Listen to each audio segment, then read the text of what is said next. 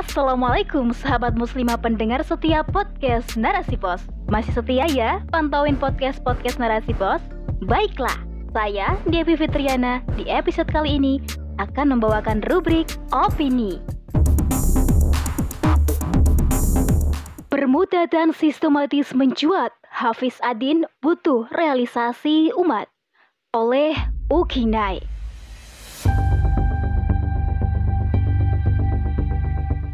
Tiga lembaga advokasi Sumatera Utara yakni Ladui MUI, Paham, dan TPUA belum lama ini meminta aparat penegak hukum mengusut tuntas kasus permudatan yang terjadi di Langkat, Sumatera Utara. Para pelaku permudatan diduga sebagai kelompok yang terorganisir secara sistematis. Mereka mencoba mengiming-imingi korban dengan janji mencarikan pekerjaan hingga menikahi secara Islam.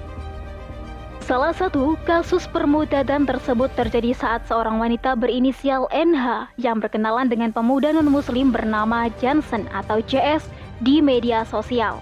Lewat perkenalan ini, NH dijanjikan JS pekerjaan setelah meminta ijazah NH. Namun janji itu tak kunjung tiba, bahkan saat NH meminta ijazahnya kembali, JS justru mengajaknya menikah secara Islam atau mu'alaf, dengan syarat tidak memberitahu siapa pun termasuk keluarganya. Lima bulan telah berlalu, NH tak ada kabar berita. Ternyata JS tidak pernah memenuhi janjinya untuk masuk Islam dan menikahi NH secara agama Islam. Melainkan JS dan keluarganya melakukan tipu muslihat agar NH mau dibaptis dan menikah secara agama Kristen. Praktik permudadan yang terjadi di Langkat, Sumatera Utara bukanlah satu-satunya fakta yang terjadi di negeri ini. Mengingat secara individu, banyak yang keluar dari akidah Islam dan memilih ikut agama pasangannya, baik publik figur atau masyarakat biasa. Baik terorganisasi atau tidak, nyatanya akidah mudah sekali terlepas. Hmm, terlepasnya keimanan seseorang bisa disebabkan karena dua faktor, yakni internal dan eksternal. Faktor internal yang menjadi pendorong seseorang murtad adalah lemahnya keimanan individu tanpa ada upaya untuk memupuk atau menjaganya dengan aktivitas ketaatan seperti mengkaji dan mengaji Islam secara totalitas. Sementara faktor eksternal yang bisa memurtadkan seseorang datang dari kelompok yang terorganisasi dan sistematis, di antaranya dengan cara menawarkan pekerjaan atau janji menikahi sebagaimana kasus tersebut. Nah, Kedua faktor tersebut acap kali menjadi sekadar berita tanpa solusi komprehensif. Seseorang sangat mudah melepaskan akidahnya atau Islam, baik yang dilakukan individu dan kelompok karena landasan kebebasan beragama yang dianut oleh negeri ini. Negara pun akan membebaskan warganya bergonta-ganti keyakinan dengan alasan hak asasi individu. Hingga abai ketika ada kelompok misionaris yang berupaya memurtadkan kaum muslimin atau ada penipuan yang berujung pemurtadan. Sebab yang menjadi perhatian negara adalah kapitalisasi di semua sektor dengan menjauhkan agama dari kehidupan. Akibatnya, penjagaan agama yang mestinya menjadi tugas negara tak akan terwujud manakala negara berpijak pada paham kapitalisme sekuler seperti saat ini. Terlebih di negeri ini ada empat agama yang diakui selain Islam, yakni Kristen, Protestan, Katolik, Hindu, dan Buddha. Bahkan, aliran kepercayaan pun diakui negara sebagai budaya yang harus dilestarikan bangsa Indonesia.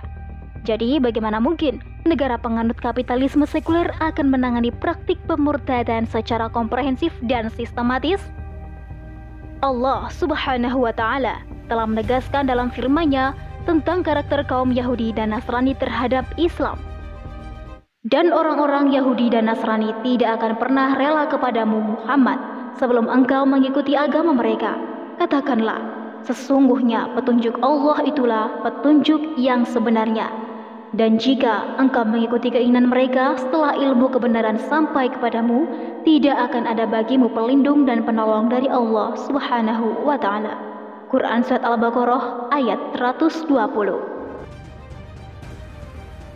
Inilah penjelasan Allah Subhanahu wa taala agar umat Islam mewaspadai tipu daya yang akan dilakukan kedua kaum tersebut.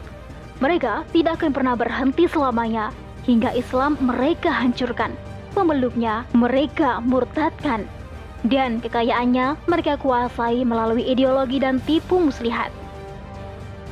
Di masa Nabi Shallallahu Alaihi Wasallam, kedua kaum ini terutama Yahudi senantiasa menjadi pengganggu dan perongrong kedaulatan negara. Sekalipun mereka diikat dengan perjanjian, pada akhirnya Rasulullah Shallallahu Alaihi Wasallam bertindak tegas dan memerangi mengusir Yahudi dari Madinah. Untuk itu, Islam membebankan tanggung jawab kepada penguasa yang ada dalam sistem pemerintahan Islam untuk menjaga akidah umat. Sebab seorang pemimpin Islam bukan hanya berperan sebagai ro'ain atau pengurus, tapi juga sebagai perisai atau junah dari segala hal yang bisa menjerumuskan umat. Rasulullah Shallallahu Alaihi Wasallam telah bersabda, Al-imam atau pemimpin itu adalah pengurus, ia bertanggung jawab atas apa yang menjadi urusannya atau rakyat. Hadis riwayat Bukhari. Berdasarkan fungsinya sebagai ro'ain dan junah, pemimpin Islam akan memperlakukan sanksi tegas bagi orang-orang yang melanggar syariat, termasuk murtad. Hal ini dimaksudkan syariat agar tidak ada orang yang meremehkan serta mempermainkan agama, Bahkan terhadap pemurtadan, negara akan memberikan waktu selama tiga hari kepada pelaku untuk bertaubat. Untuk dihukum mati jika tidak mau kembali pada akidah Islam.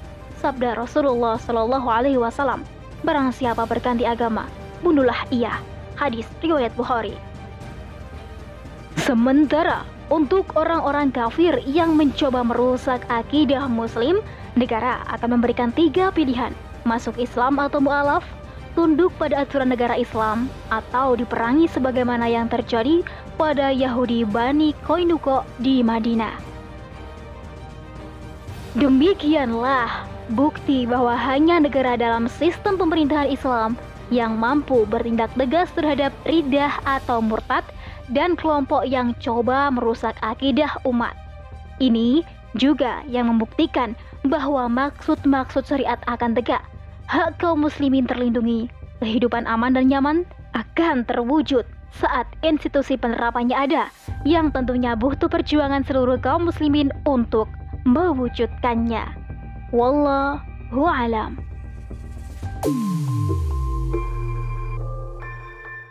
Demikian rubrik opini kali ini.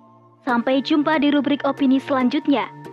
Tentunya di podcast Narasi Pos, cerdas dalam literasi media bijak menangkap peristiwa kunci.